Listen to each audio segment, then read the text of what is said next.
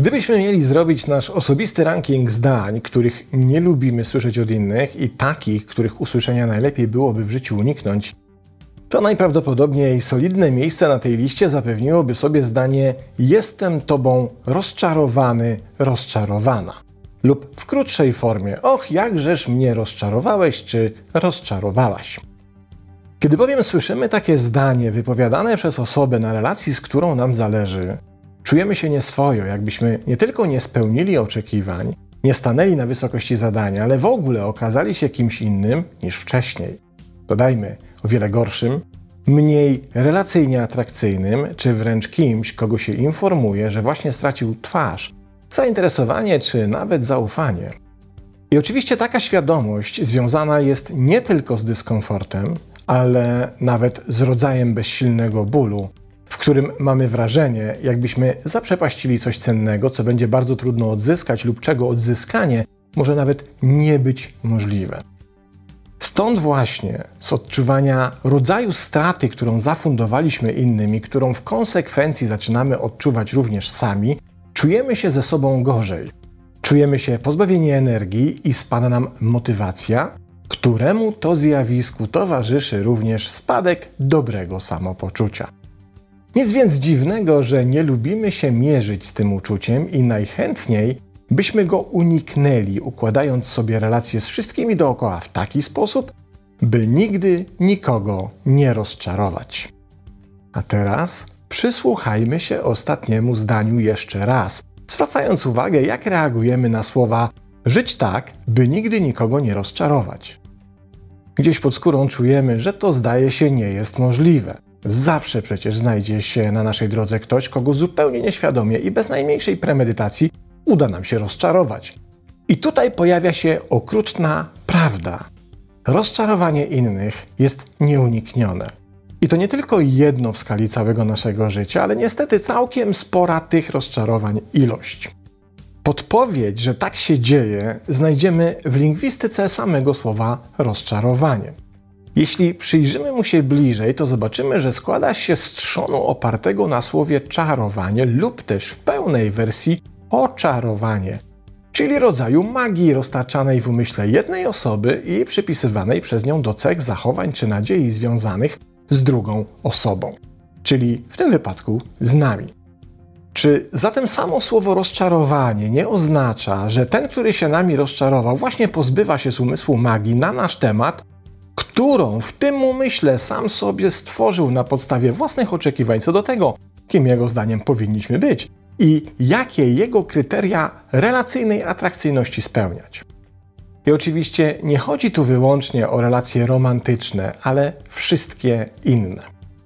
Dr Steven Stosny, autor m.in. książki Miłość pozbawiona bólu, postanowił rozebrać tę magię, czy też czar, które ludzie budują sobie w głowach na temat innych ludzi na czynniki pierwsze, by pokazać, jak zazwyczaj niewiele mają wspólnego z rzeczywistością, a jak wiele z życzeniami wyciągania z tej relacyjnej rzeczywistości królika z kapelusza, z pełną wiarą, że królik pojawia się w kapeluszu wyłącznie w efekcie czarów.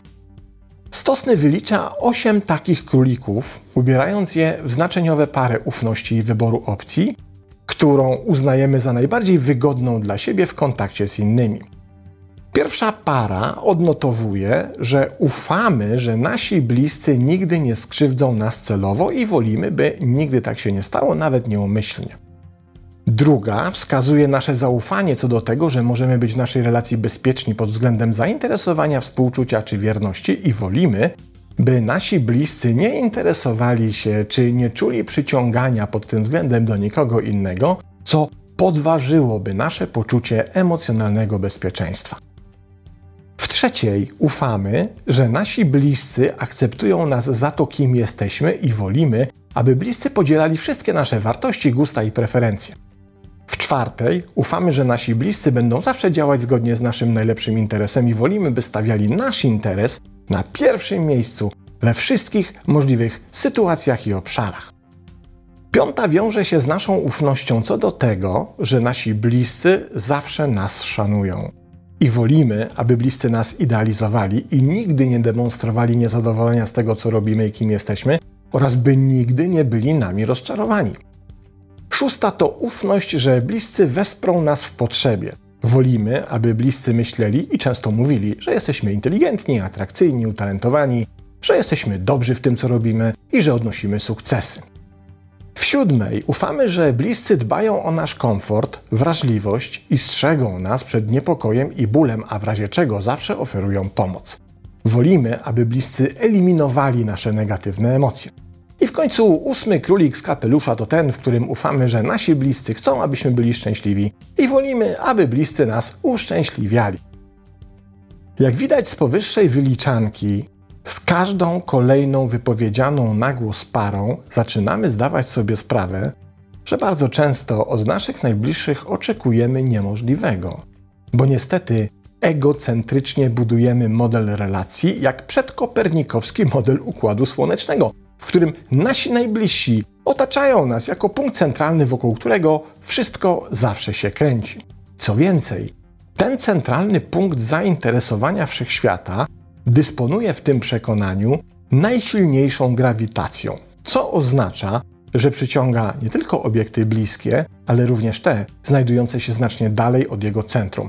A to z kolei oznacza, że często nieświadomie przenosimy oczekiwania wobec bliskich również na tych, którzy nie są nam aż tak bliscy, ale z którymi wchodzimy w społeczne interakcje. I kiedy to czynimy, nieuniknione prawdopodobieństwo, że kiedyś nas rozczarują, przenosimy również na nich. Teraz, kiedy odwrócimy perspektywę z pierwszej osoby liczby mnogiej, czyli my, na trzecią osobę liczby mnogiej, czyli oni, zorientujemy się, że ludzie, którzy nas otaczają, i to zarówno w bliskich relacjach, jak i ci, których znamy słabiej, ale z którymi się kontaktujemy, również wierzą w relacyjne króliki wyciągane z magicznego kapelusza. Oni również ufają, że będziemy krążyć wokół nich, jak Słońce wokół Ziemi, zanim Kopernik nie odwrócił tego układu, bo przecież z ich perspektywy to oni są grawitacyjnym centrum każdej relacji. To oni budują pary oczekiwań złożone z konstruktów ufam i wolę. Tyle, że tym razem skierowanych w naszym kierunku, z których nigdy nie będziemy w stanie stuprocentowo się wywiązać, chociażby z tego powodu, że nawet jeśli w to najsilniej wierzą, to przecież oni nie są centrum naszego wszechświata. Skoro zaś oni ufają i wolą, byśmy byli tym, kim oni sobie wyobrażają, a nie tym, kim naprawdę jesteśmy, i wolą, byśmy zachowywali się w sposób, który ich umieszcza zawsze w centrum zainteresowania, emocjonalnej opieki, wsparcia oraz docenienia i relacyjnego bezpieczeństwa, to oznacza, że to, że mogą być nami rozczarowani, jest nie do uniknięcia. Jeśli tak, to musimy zaakceptować to, że na różnych etapach relacyjnych układów i w najprzeróżniejszych relacyjnych konfiguracjach istnieje wysokie prawdopodobieństwo, że ktoś będzie nami rozczarowany i że po prostu stanowi to stałą składową naszego społecznego życia i przejście przez życie naszych kontaktów społecznych w taki sposób, by nigdy nikogo nie rozczarować, po prostu nie jest możliwe. Jeśli zaakceptujemy ten fakt, to w końcu przestajemy się łudzić, że zawsze wszyscy będą nas lubili i zawsze myśleli o nas wyłącznie pozytywnie. Czasem ktoś pomyśli o nas okropne rzeczy nie tylko dlatego, że mu w czymś odmówiliśmy, czy też nie zachowaliśmy się po jego myśli. Pomyśli tak, bo zorientował się, że nie pasujemy do jego wcześniejszych wyobrażeń na nasz temat. Jak z tym żyć? Jak przetrwać, kiedy nie otaczają nas sami sprzymierzeńcy? Jak sobie z tym poradzić? Otóż jedynym wyjściem jest po prostu zaakceptować ten fakt.